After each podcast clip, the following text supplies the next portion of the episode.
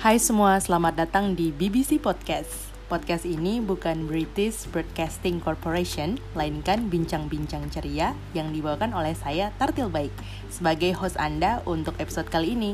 Nah, di BBC Podcast kami akan membahas banyak hal dari hot issue, opini, tips dan trik, story, history, dan passion.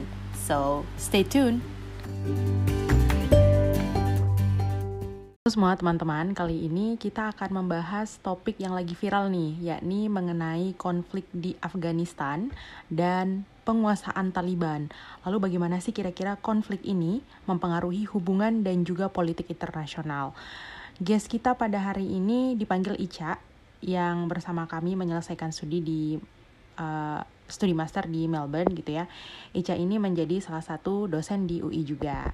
Nah, sebelum kita lanjut ke perbincangan kita sama Ica, aku akan menyampaikan beberapa fakta mengenai topik ini.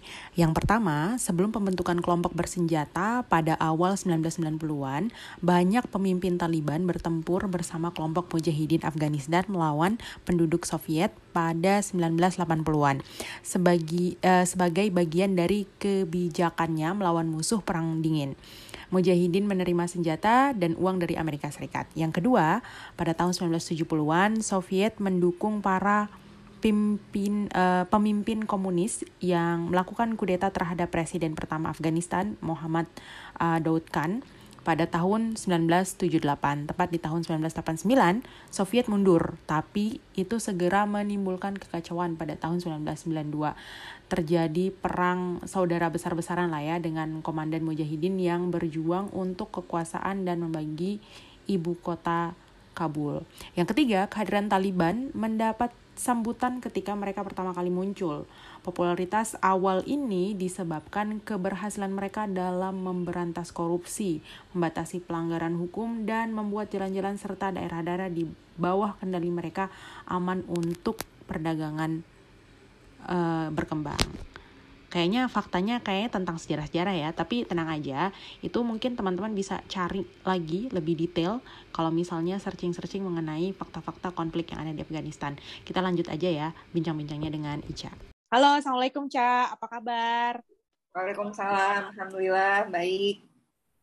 Gimana teman-teman? Oh Alhamdulillah baik juga Ica. Ica jadi uh, untuk episode ini kita mungkin bakalan bincang-bincang mengenai uh, isu terkini nih yang mungkin banyak sekali para pendengar atau siapa pun itu kayaknya aware banget gitu ya baik di sosial media gitu ya ataupun mungkin uh, mereka diskusikan bersama teman-teman mereka gitu ya lewat uh, berbagai macam platform kayak gitu. Anyway, mungkin sebelum kita lanjut ke perbincangan seru kita, Ica bisa perkenalan diri dulu nggak? Maksudnya ya mungkin aku kan cuma manggilnya Ica nih. Jadi nama panjangnya siapa? Terus uh, apa namanya sekarang aktivitasnya apa nih? Kayak gitu. Sama uh, backgroundnya apa? Mungkin biar nanti teman-teman bisa nyambung. Oh pantes nih Ica ngomong apa topik ini. Soalnya dia memang backgroundnya ini dan memang sempat uh, apa namanya pernah melakukan project atau riset di bidang ini. Silakan Ca.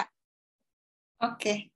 uh, ya pertama-tama salam kenal buat teman-teman uh, pendengar setiap BBC podcast ya Uh, nama aku Anissa Dina Amalia, biasa dipanggil Anissa atau Ica. Sekarang bantu-bantu ngajar dan riset di uh, Departemen Hubungan Internasional FISIP Universitas Indonesia. Kajian risetku sebenarnya di uh, bidang transnasionalisme, khususnya bidang migrasi dan juga uh, kaitannya dengan gender dan hak asasi manusia mungkin itu ya uh, sekarang kesibukannya yaitu sih ngajar uh, batu-batu riset juga ya ada beberapa riset dari um, apa pemerintah juga yang uh, tentang diaspora dan uh, pekerja migran ya yang uh, kerjain di departemen. Mungkin itu dulu ya til perkenalannya. Oke menarik banget sih Ca, uh, apa namanya tentang backgroundnya Ica ini. Dan kayaknya memang ini cocok banget ya topik ini untuk di apa namanya untuk diperbincangkan gitu. Tapi mungkin buat teman-teman gak usah takut, kita santai aja ngomongnya gitu ya, karena yang akan kita diskusikan adalah apa yang uh, saat ini kita lihat gitu ya. Kita nggak perlu mencari tahu sampai dalam dan menganalisa sampai membuat otak kita capek sendiri gitu ya. Anyway, pertanyaan pertama mungkin Cak, ngomong-ngomong soal Afghanistan nih ya. Kita akan ngomong soal Afghanistan, Afghanistan seperti yang aku sampaikan tadi, uh, recent topik yang sangat apa namanya up banget saat ini adalah ya kita tahu semua ya kalau misalnya kemarin banyak banget itu uh, masyarakat di Afghanistan akhirnya mereka melarikan diri gitu kan setelah apa namanya istilahnya mereka apa ya negaranya memerdekakan diri istilah gitu ya oh, sudah merdeka istilah kayak gitu ya Ica ya, ya Ica bisa share nggak uh, atau menceritakan gitu ya dari perspektif backgroundnya Ica sebagai dosen gitu ya atau sebagai researcher di hubungan internasional gitu. Kira-kira sebenarnya ada apa sih dengan Afghanistan? Oke siap. Uh, mungkin sebenarnya kalau kita berbicara soal konflik Afghanistan, Afghanistan akhir-akhir ini lagi hangat banget ya, kayaknya di berbagai media sosial, terutama di Indonesia ya, kayaknya uh, kencang banget isunya hangat, uh, memicu perdebatan juga ya sepertinya. Uh, tapi sebenarnya kalau kita lihat lagi sejarah sejarah konfliknya gitu ya, sebenarnya ini bukan uh, bukan satu hal yang baru gitu ya. Kalau misalnya kita mengikuti perkembangan politik yang ada di kawasan Timur Tengah khususnya memang ya ini mengulang lagu lama gitu ya istilahnya kayak udah banyak banget gitu kan uh, misalnya Suriah ya atau misalnya Palestina emang jadi apa ya satu kawasan yang penuh uh, dinamika atau perubahan konstelasi politik yang sangat uh, cepat gitu ya. Uh, dan maksudnya ini ya jadi satu uh, aspek yang kemudian Iya sama gitu sama beberapa negara lainnya gitu ya apa yang terjadi di Afghanistan. Walaupun memang ada beberapa konteks yang uh, kemudian jadi berbeda yang membuat uh, konflik ini juga menjadi menarik gitu ya. Karena mungkin dibandingkan dengan misalnya konflik Suriah atau konflik uh, Palestina gitu ya mungkin ini lebih jarang muncul gitu ya uh, terutama di di publik Indonesia mungkin bisa dihitung jari atau ya beberapa ya bisa dihitung jadi ya beberapa kali konflik ini muncul gitu ya di di uh, media-media Indonesia misalnya. Uh, tapi kemudian ya balik lagi ya tadi ya uh, misalnya kita berbicara soal konflik ini menjadi konflik yang sudah sering atau, sama gitu ya uh, nature-nya dengan konflik-konflik lain yang ada di kawasan Timur Tengah. Misalnya kita lihat ini kan muncul ketika kemudian Amerika Serikat melakukan invasi ya tahun 2001 eh, ke Afghanistan sebenarnya. Karena kemudian ya kita ingat uh, ada peristiwa 9/11 ya yang benar-benar mengubah dinamika politik dunia saat itu ya yang terlepas dari segala konspirasinya gitu ya teori konspirasi di balik itu semua tapi ini jadi satu titik di mana kemudian uh, Amerika Serikat punya justifikasi gitu ya secara politik dan juga secara kemanusiaan untuk melakukan intervensi di berbagai daerah di kawasan Timur Tengah yang mereka percaya ini menjadi basisnya kelompok-kelompok uh, militan atau kelompok-kelompok teroris ya bisa kita katakan seperti itu. Dan itu juga yang terjadi di di uh, Afghanistan gitu ya. Walaupun sebenarnya kalau dilihat dari um, apa kemudian nature dari kelompok terorisme ini memang kelompok Taliban sendiri sebenarnya agak berbeda gitu ya. Karena uh, maksud maksudnya dari dari kelompok teroris lain misalnya seperti ISIS gitu ya uh, uh, karena Taliban ini kan sebenarnya mereka punya basis dukungan yang cukup kuat gitu ya di uh, masyarakat Afgani Afghanistan sendiri gitu ya. Karena memang mereka punya sejarah misalnya melawan uh, Uni Soviet gitu ya. Uh, jadi ada ada sejarah-sejarah mengenai perjuangan untuk memerdekakan diri juga dari dari kolonialisme gitu ya. Uh, sama gitu ya di berbagai negara seperti Indonesia juga sebenarnya. Dan uh, akhirnya mereka dan uh, si kelompok Taliban ini juga sebenarnya merepresentasikan mayoritas masyarakat Afghanistan gitu ya. Uh, jadi mayoritas suku atau etnis uh, Pashtun ya uh, ini yang menjadi menjadikan kelompok Taliban ini semakin kuat karena dukungan masyarakatnya juga tinggi kepada mereka gitu ya. Nah tapi kemudian uh, disinyalir ada hubungan yang erat juga gitu kan dengan kelompok atau jaringan terorisme internasional khususnya di kawasan Timur Tengah sehingga kemudian Amerika juga juga uh, masuk gitu ya ke ke ke situ dan itulah yang mungkin ya bisa dibilang dikatakan aw, awal dari series of conflicts ya yang terjadi dan uh, apa puncaknya mungkin saat ini gitu ya. Uh, walaupun memang di ya dibandingkan dengan misalnya konflik Suriah ya yang memang sangat kental persaingan uh, great powers-nya gitu ya antara Amerika Serikat dan Rusia misalnya di Afghanistan sendiri memang karena sejak 2001 uh, uh, Taliban itu kalah gitu ya karena intervensi Amerika Serikat dan memang kelompok militernya Amerika Serikat gitu ya NATO aliansi aliansi Amerika Serikat dan beberapa negara-negara utara lain uh, sangat kuat di situ sehingga kemudian pemerintahnya juga di disupport ya uh, secara maksimal oleh uh, aliansi tersebut. Sehingga memang konstelasinya tidak se sebesar yang terjadi di negara-negara lain gitu ya tidak sekuat. Kemudian uh, ya seperti yang kita apa cermati kita dengar be, belakangan ini ya kemudian kelompok Taliban me, apa me, muncul kembali ya bisa dikatakan seperti itu setelah mereka kalah dan walaupun tidak sama sekali mati gitu ya tetap ada.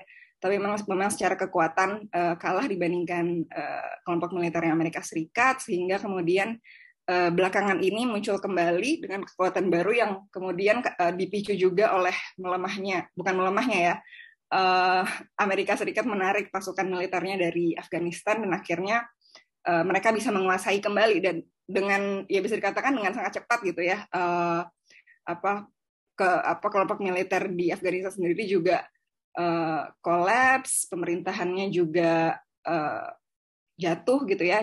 Jadi bisa dikatakan ini sebuah apa bukan di, bukan kekalahan juga ya dalam artian pengambil alihan kekuasaan yang cukup uh, cepat juga ya. Dan uh, mungkin mungkin karena itu juga akhirnya berbagai media internasional dan publik juga merasa kaget gitu. Karena sebelumnya mungkin tidak tidak muncul ya konflik-konflik uh, atau perlawanan ini di uh, media. Mungkin itu dulu uh, pengantarnya.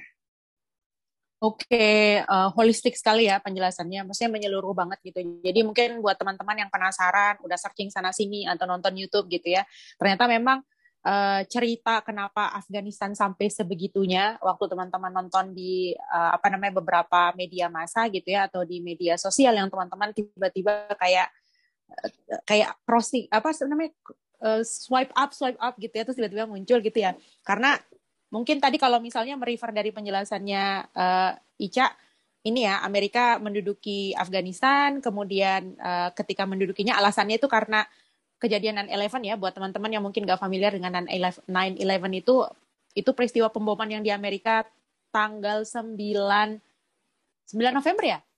9 November ya Ica ya? 9/11.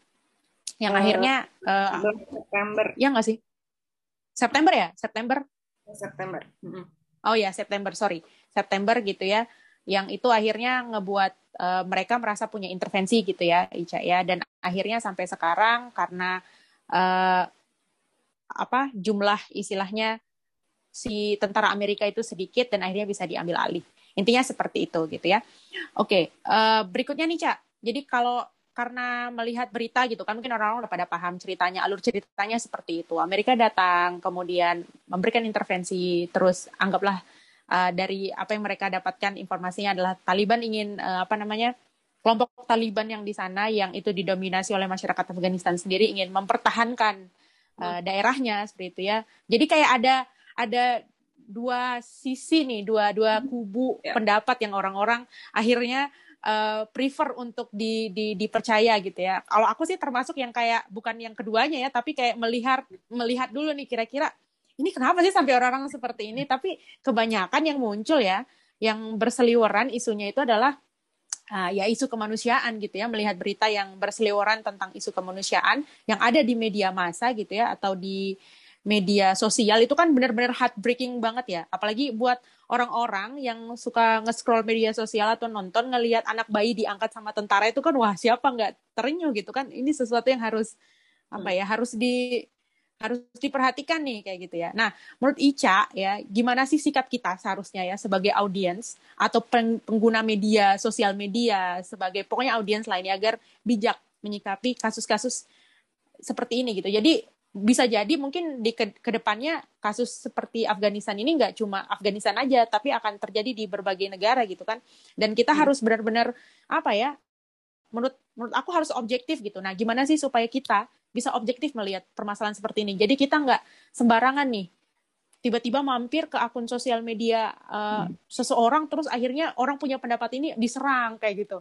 Gimana tuh cak ya menarik banget pertanyaannya. Jadi memang nggak cuma Afghanistan ya sebenarnya dari lama banget gitu kan misalnya kita dengar konflik-konflik yang ada misalnya Rohingya kemarin di Myanmar gitu ya atau Cina dengan Uighur pasti ada ada perdebatan yang sangat hangat gitu ya. Apalagi melihat konteks politik Indonesia saat ini gitu ya kayaknya isu Taliban wah hangat banget ya karena kemarin kita uh, dengar misalnya KPK ada Taliban gitu ya. Sekarang benar-benar Taliban di Afghanistan muncul jadi kekuatan baru. Jadi ya pasti itu jadi sesuatu yang kemudian uh, apa ya ya hangat ya untuk di, diperbincangkan gitu di Indonesia. Baik baik mereka yang mendukung maupun yang uh, menolak ya. Jadi tadi yang Tartil bilang benar banget sih apa yang aku observasi juga gitu ya di di media media konvensional maupun media uh, sosial ada dua kubu yang memang saling bertentangan. Dan ini yang menjadi satu karakter ya. Jadi uh, maksudnya dari lama aku lihat kalau misalnya ada konflik gitu ya atau ada satu perdebatan misalnya terkait isu politik pasti uh, kita cenderung melihatnya antara hitam dan putih gitu. Kita selalu mencari siapa nih pihak yang salah dan siapa pihak yang benar gitu. Tapi uh, ujung-ujungnya itu sebenarnya jadi satu hal yang kemudian uh, menyulitkan kita untuk sebenarnya melihat permasalahan yang terjadi secara lebih uh, komprehensif dan bijak gitu ya katanya katanya Tartil gitu. Karena memang apa yang terjadi jauh lebih kompleks daripada itu gitu ya. Jadi kalau misalnya kita lihat dari sisi kelompok Talibannya nih misalnya uh, benar tadi apa yang dikatakan ada konteks perjuangan melawan uh, invasi dari negara-negara asing gitu ya. Karena konteksnya ini mereka juga juga uh, bagian dari masyarakat mayoritasnya Afghanistan gitu ya. Sama seperti Indonesia misalnya yang yang menolak ya intervensi asing gitu kan. Misalnya uh, entah itu Amerika Serikat ataupun Cina dalam berbagai bentuk ya. Uh, even itu investasi asing aja sebenarnya kita sudah sangat menolak. Apalagi ini sifatnya invasi militer ada perjuangan-perjuangan itu juga yang kemudian uh, harus dipahami ya dari sisi uh, kelompok uh, Taliban ini sendiri. Gitu. Di sisi lain juga terutama ya kalau kita berbicara tentang isu agama misalnya, wah lebih akan lebih hangat lagi gitu karena uh, jelas uh, apa Islam Sunni yang menjadi mayoritas di sana kemudian punya basis yang sangat kuat makanya kemarin kita mendengar juga kelompok uh, Hamas misalnya di Palestina dan juga Pakistan sangat uh, mendukung gitu atau menyelamati lah paling tidak menyelamati keberhasilan Taliban yang kemudian narasinya uh, disampaikan dalam artian yang me membebaskan gitu ya membebaskan masyarakat Afghanistan dari uh, cengkraman Amerika Serikat gitu ya. Tapi di sisi lain aku pikir juga nggak bijak kalau kemudian kita melihat semata-mata persoalannya hanya itu karena uh, tidak bisa dipungkiri juga bahwa misalnya opresi gitu ya atau diskriminasi terhadap kelompok minoritas terhadap kelompok perempuan itu ya memang hal yang nyata juga dan memang tidak bisa kita menutup mata dari itu. Uh, fakta bahwa setelah uh, Taliban berkuasa gitu ya menduduki istana uh, di Kabul, kemudian ribuan orang apa berlarian ke apa bandaranya Kabul gitu ya, itu juga menunjukkan apa ya bahwa ternyata pemerintahan Taliban juga menimbulkan kekhawatiran, menimbulkan ketakutan di antara masyarakatnya sendiri gitu kan. Jadi ya eh, nggak bisa juga dikatakan bahwa apa yang nggak bisa juga kita kemudian menilai Taliban adalah kelompok yang kemudian uh, uh, uh, salah satunya kelompok yang benar gitu misalnya ya karena kalau misalnya kita 100% misalnya mendukung uh, kekuasaan Taliban di sana uh, kita kemudian melupakan bahwa mereka tidak berhasil juga untuk apa ya membangun sebuah masyarakat yang kemudian aman sejahtera seperti bagaimana negara-negara lain misalnya gitu ya. Uh, ini kan menandakan bahwa mereka ya tidak bisa menjalankan uh, apa ke, apa fungsi atau tata kenegaraan yang baik juga sebenarnya gitu ya. Tapi di sisi, di sisi lain itu juga tidak menjadikan uh, pihak Amerika Serikat sebagai pihak yang kemudian uh, benar gitu ya. Dalam artian kita kita sering melihat di sisi sebaliknya kan kita melihat oh banyak orang menjunjung menjunjung uh, Amerika Serikat gitu ya menyayangkan. Ya walaupun sebenarnya dalam uh, beberapa hari uh, beberapa bulan terakhir ini kemudian banyak orang yang kemudian menyayangkan gitu ya keputusan Amerika Serikat dan melihat bahwa oh, ternyata Amerika Serikat juga tidak sekuat itu ya karena mereka uh, uh, uh, ternyata pemerintah Afghanistan yang kemudian dibentuk sama Amerika Serikat justru mundur gitu. Bahkan presidennya lari gitu ya ke ke negara tetangga uh, apa ketika Taliban muncul kembali gitu.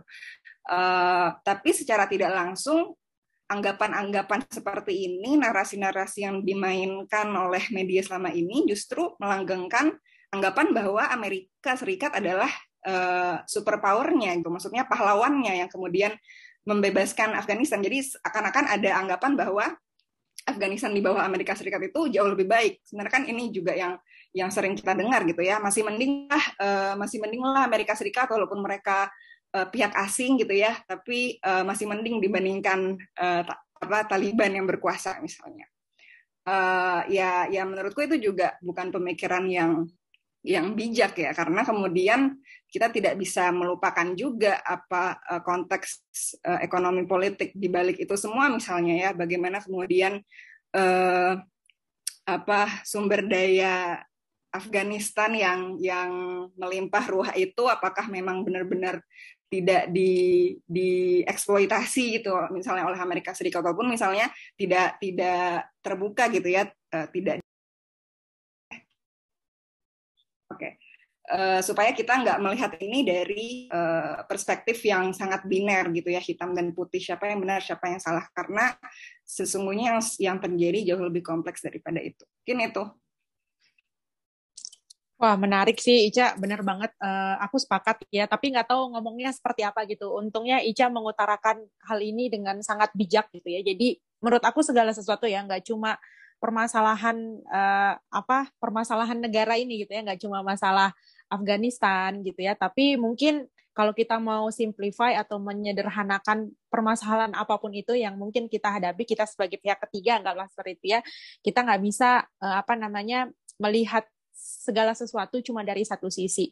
Karena seperti, seperti yang tadi Ica sampaikan gitu ya ternyata dengan apa namanya dengan adanya kasus yang ada pada yang yang terjadi pada Taliban ini ternyata behind the scene-nya itu ternyata adalah kegagalan pemerintah Taliban sendiri untuk mengurus masyarakatnya gitu ya istilahnya warga negaranya gitu. Tapi di sisi lain itu juga perlu kita lihat gitu ya orang yang menolong itu seolah-olah di depik sebagai atau digambarkan sebagai uh, kelompok yang menyelamatkan. Padahal ternyata ada ada ada sesuatu di di balik itu gitu ya ada udang di balik uh, rempeye gitu ya ada udang di balik bakwan gitu.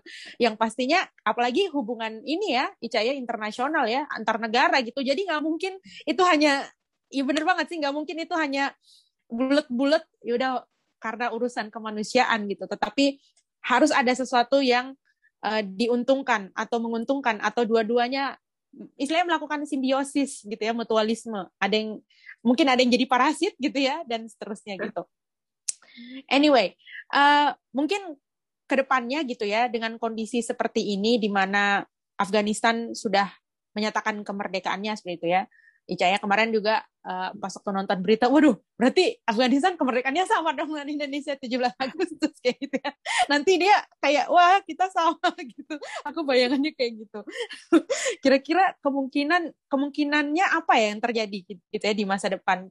Kalau misalnya mereka udah merdeka ya pasti akan melakukan hubungan kerjasama dengan uh, negara-negara lain. Kira-kira masih nggak sih negara-negara lain ini mau bekerja sama dengan Afghanistan gitu. Dan kira-kira alasannya apa sih gitu dari perspektif kamu yang melihat ini lebih jauh dan lebih dalam gitu, Cak. Oke. Okay.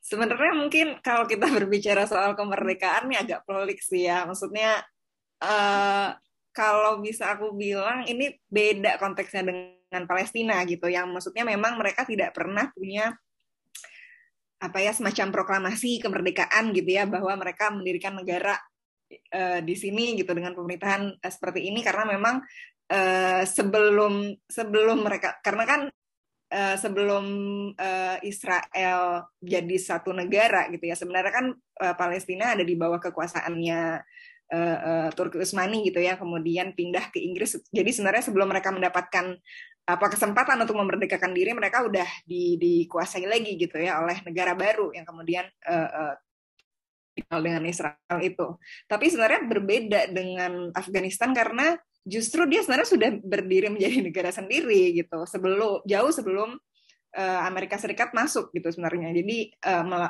setelah melawan Uni Soviet, mungkin nanti bisa di cross check lagi ya. Aku lupa tanggal pastinya. Tapi sebenarnya mereka sudah uh, memberikan diri, makanya kemudian ada pergantian pemerintahan, pergantian presiden sama seperti negara-negara sebelumnya. Seperti misalnya ada uh, Presiden Ashraf Ghani yang kemudian kemarin ya sebelum Taliban berkuasa uh, dia memegang ke kepemimpinan itu sebenarnya pemerintahan yang sah gitu ya dalam sistem negara Afghanistan yang sudah diakui sebenarnya secara internasional gitu. Jadi agak uh, ya walaupun sepertinya kelompok Taliban yang kemudian uh, me menyatakan ya bahwa apa kemarin itu mereka memerdeka apa memerdekakan Afghanistan, tapi mungkin konteksnya dalam artian memerdekakan diri dari pengaruh Amerika Serikat karena memang sebelum itu meskipun mereka sudah punya pemerintahan tapi memang disokong ya oleh uh, Amerika Serikat secara penuh gitu ya.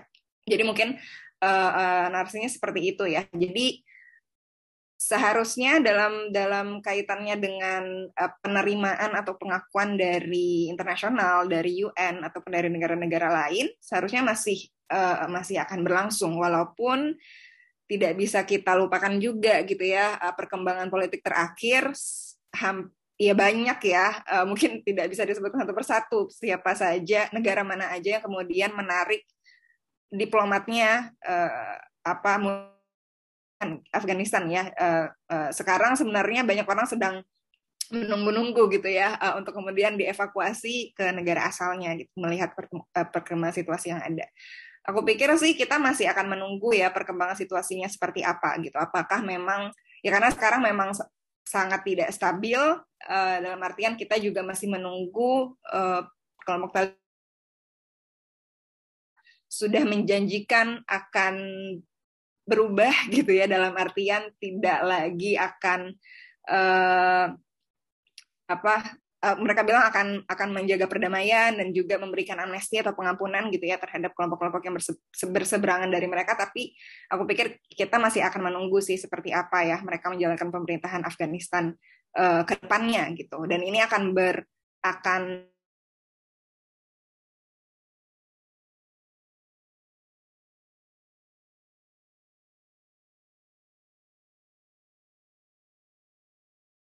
Pakistan, hmm, Turki, beberapa negara sebenarnya banyak yang kemudian masih uh, mendukung ya dalam artian men, ya mendukung uh, pemerintahan uh, Afghanistan yang di, dikuasai Taliban saat ini dan kemudian berharap mereka benar-benar bisa menjalankan pemerintahannya dengan baik gitu. Jadi uh, kita masih menunggu tapi sesungguhnya aku juga punya kekhawatiran ini akan berkembang juga seperti Suriah gitu ya. Dalam artian kalau Suriah kan memang ada itu tadi ya ada ada uh, perten, bukan pertentangan ada ada ya great power politics ya. Kalau di HI kita menyebutnya pertentangan antara negara negara-negara besar dalam hal ini Amerika Serikat dan Uni Soviet yang sangat kencang gitu ya. Jadi kelompok apa militer yang didukung Amerika Serikat pemerintahannya didukung Uni Soviet.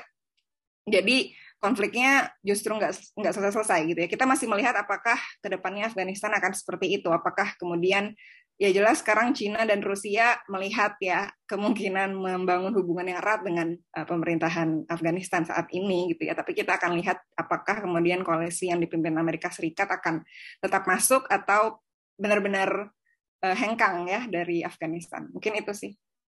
Terima kasih. Oke, okay. menarik, menarik, menarik. Jadi uh, ada kemungkinan ya negara-negara lain itu akan bekerja sama begitu, tetapi masih dilihat ke depannya itu nanti sejauh mana seperti itu.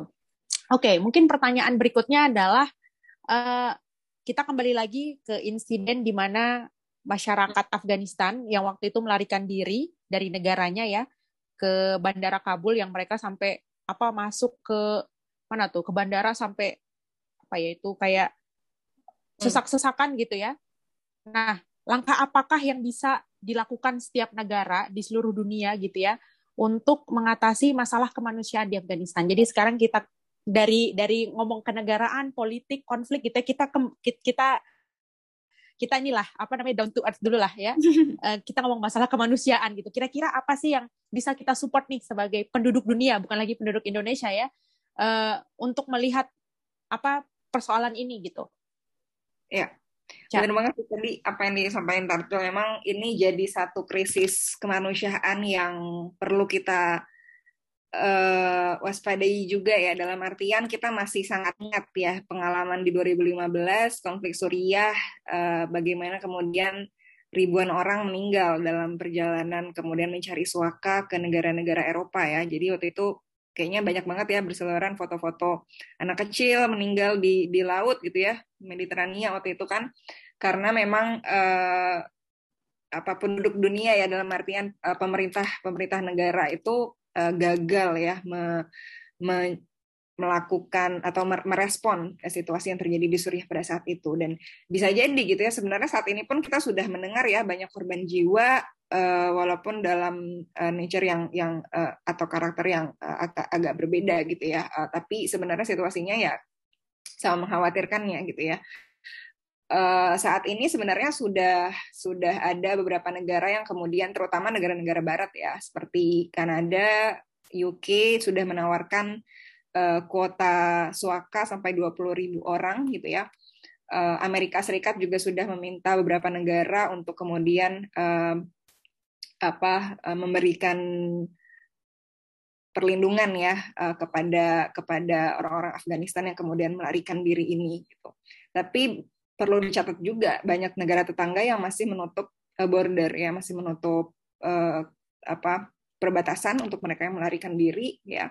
Bahkan sebenarnya pemerintah apa kelompok Taliban sendiri pun juga uh, udah muncul nih beberapa pernyataan di media mereka melarang gitu ya uh, apa orang-orang untuk untuk uh, lari dari dari Afghanistan, terutama mereka yang skill uh, skill workers gitu ya. Uh, jadi ini kan sebenarnya ke suatu kehilangan juga untuk untuk uh, Afghanistan yang dikuasai Taliban saat ini. Jadi kupikir uh, perlu ada langkah dan koordinasi yang sistematis gitu ya antara negara-negara yang ada terutama uh, mungkin di, di, di, dipimpin oleh negara-negara barat gitu ya untuk kemudian memastikan proses evakuasi terhadap uh, mereka yang kemudian uh, uh, paling rentan gitu ya mendapatkan uh, ancaman kekerasan dan sebagainya untuk kemudian dievakuasi ke negara-negara yang lebih aman ya. Uh, itu harus dipastikan gitu ya karena memang uh, sekarang sepertinya masih masih miss gitu ya koordinasi di lapangan gitu. Banyak yang kemudian uh, mungkin banyak orang yang menyadari gitu bahwa sebenarnya ada 13.000 orang pengungsi yang ada di Indonesia saat ini dan lebih dari setengahnya itu sebenarnya adalah orang-orang Afghanistan. Dan banyak dari mereka yang sebenarnya terjebak tinggal di di Indonesia. Sulit sekali dan uh, uh, di settlement ke negara ketiga gitu. Terutama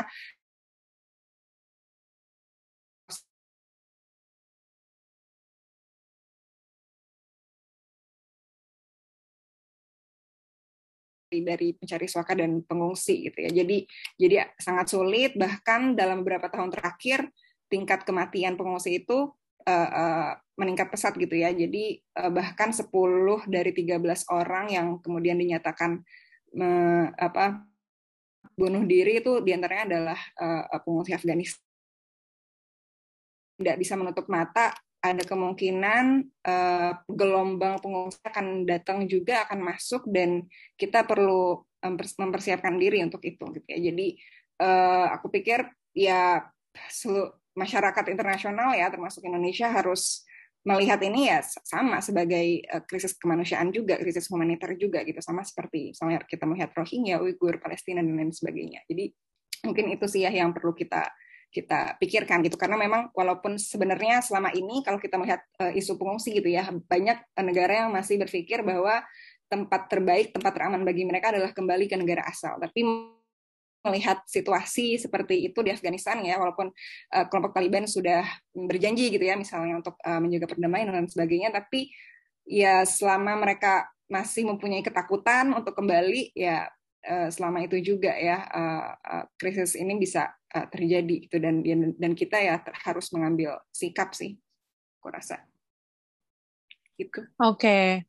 ya jadi uh, intinya adalah kita perlu sebagai apa namanya entitas yang bernegara gitu ya dalam satu negara ini mempunyai sikap yang sama terhadap uh, apa namanya masalah ini gitu ya. Jadi kalau misalnya di berbagai negara lain juga apa istilahnya menyediakan tempat gitu ya untuk untuk mereka para uh, imigran tersebut maka kita pun juga harus mempersiapkannya dengan berbagai macam kemungkinan-kemungkinan yang ada gitu ya supaya misalnya kematiannya juga mungkin nggak bertambah dan lain sebagainya gitu. Oke, okay, uh, eh, mungkin pertanyaan terakhir adalah mengenai last remark untuk topik ini. Ica bisa sampaikan apa saja mengenai uh, topik ini atau apa yang ingin Ica sampaikan, pesan yang ingin uh, Ica sampaikan kepada para pendengar mengenai topik ini gitu ya, supaya mungkin teman teman-teman yang mendengarkan ini bisa mengambil pelajaran gitu ya, sesuatu yang mungkin bisa di apa ya, direfleksikan pada diri mereka sendiri. Oke. Mungkin last remark yang sangat tingkat aja ya. Ya. uh, ya, intinya sebenarnya kalau dari aku pribadi gitu ya melihat uh, situasi yang terjadi belakangan ini uh, pelajaran pentingnya adalah sebenarnya jangan apa ya kita tuh suka cari musuh ya kalau aku lihat gitu dari konflik-konflik yang ada gitu ya uh, di mana pun itu.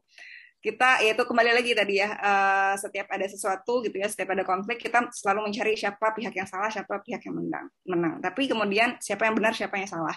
Tapi kemudian sebenarnya secara tidak langsung kita menciptakan sendiri musuh-musuh tersebut gitu ya. Karena buatku sih sebenarnya ya permusuhan itu kita sendiri yang mengkonstruksikan gitu ya. Kita menganggap dia musuh atau enggak. Dan ini yang sebenarnya aku pikir terjadi gitu ya uh, Amerika ya misalnya kita balik lagi Amerika tadi uh, melihat negara-negara Timur Tengah misalnya termasuk Afghanistan dengan kelompok militannya Taliban sebagai musuh akhirnya mereka akhirnya menjadi justifikasi mereka untuk kemudian masuk menginvasi dan kemudian akhirnya Taliban pun dan masyarakat Afghanistan pun akhirnya melihat ini sebagai satu invasi dan melihat juga Amerika sebagai uh, musuh gitu. Dan ini akhirnya jadi satu lingkaran uh, yang yang kemudian tidak bisa diputuskan gitu. Karena akhirnya ya permusuhan itu terus dijaga gitu ya. Dan akhirnya kita terjebak dalam situasi seperti itu yang aku pikir justru mengalihkan perhatian kita dari siapa sesungguhnya eh, pihak-pihak uh, yang kemudian menjadi korban gitu ya. Uh, ketika kita terlalu terfokus, oke okay, Amerika Serikat yang salah atau Taliban yang salah, kita merupakan ada korban-korban di Afghanistan yang kemudian mungkin tidak mengerti sebenarnya uh, situasi politiknya seperti apa, tet tetapi mereka kemudian kehilangan keluarganya gitu ya, kehilangan sahabatnya. Dan tidak hanya di sisi Afghanistan gitu ya, karena di Amerika pun puluhan tahun mereka mengerahkan pasukan militer, uh, berapa banyak tentara yang kemudian harus gugur, berapa banyak keluarga yang kemudian uh, apa ya harus kehilangan gitu ya uh, keluarga mereka yang tercinta gitu ya karena karena uh, konflik ini. Dan sebenarnya yang mendapatkan keuntungan siapa sih? Uh, ya pemerintah pemerintah juga gitu ya. Jadi uh, ya mungkin ini catatan aja gitu ya ketika kita melihat Amerika Serikat misalnya ataupun negara-negara lain siapa pun itu ya tidak hanya melihat mereka tuh sebagai satu kesatuan gitu ya. Tapi di balik itu sebenarnya ya ada pihak-pihak yang kemudian dikorbankan juga sebenarnya. Dan Uh, bukan berarti ketika Amerika Serikat melakukan invasi kemudian uh, satu negara dengan semua masyarakatnya itu memperoleh keuntungan gitu ya dari situ. Nggak nggak seperti itu juga ya. Jadi jadi itu sih mungkin ya yang yang ingin aku tekankan lagi.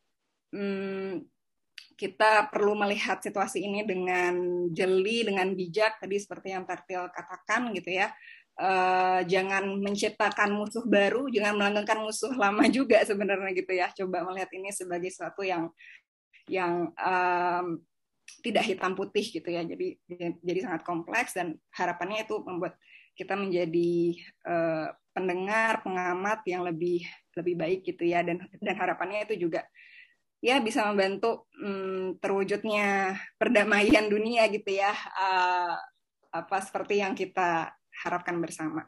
Mungkin itu.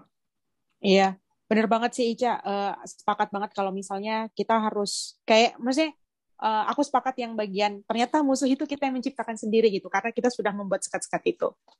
Anyway, uh, thank you banget Ica udah mau hadir di episode kali ini. Semoga uh, Ica sehat di situ bersama keluarga dan risetnya lancar gitu ya. Dan kita doakan semoga orang-orang yang saat ini sedang dilanda musibah di berbagai belahan dunia mana pun semoga diberikan kemudahan gitu ya dan seger yang yang sakit disembuhkan gitu ya yang ditimpa musibah juga semoga diselesaikan musibahnya seperti itu dan di apa ya dan dan tercipta dan terciptalah kedamaian dunia itu gitu ya hmm. itu pun juga dengan support dari kita sebagai apa penduduk dunia masyarakat dunia yang itu tidak perlu maksudnya kita juga harus memikirkan ini ya uh, apa bukan siapa yang salah siapa yang benar dan melihat segala sesuatu dari kacamata yang uh, apa ya maksudnya menjustifikasi satu negara dan negara yang lain itu sebagai uh, oh ya dia dia musuhnya eh dia musuh nih karena dia begini dan hampir semuanya seperti itu. Tapi harus melihat lagi atau uh, menelusuri lagi kira-kira siapa yang dirugikan dari uh, perseteruan tersebut atau perselisihan tersebut. Makasih banyak Ica untuk uh, sharingnya uh, di episode kali ini. Semoga nanti di episode lain kalau kita punya topik yang serupa, mungkin Ica bisa sharing lagi dengan kita. Makasih, Ca. Sama-sama, Kartil.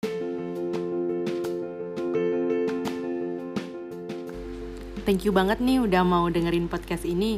Untuk update, jangan lupa ya follow podcast kita di berbagai sosial media seperti Twitter, Facebook, dan Instagram at Bincang Ceria di Facebook Bincang Bincang Ceria.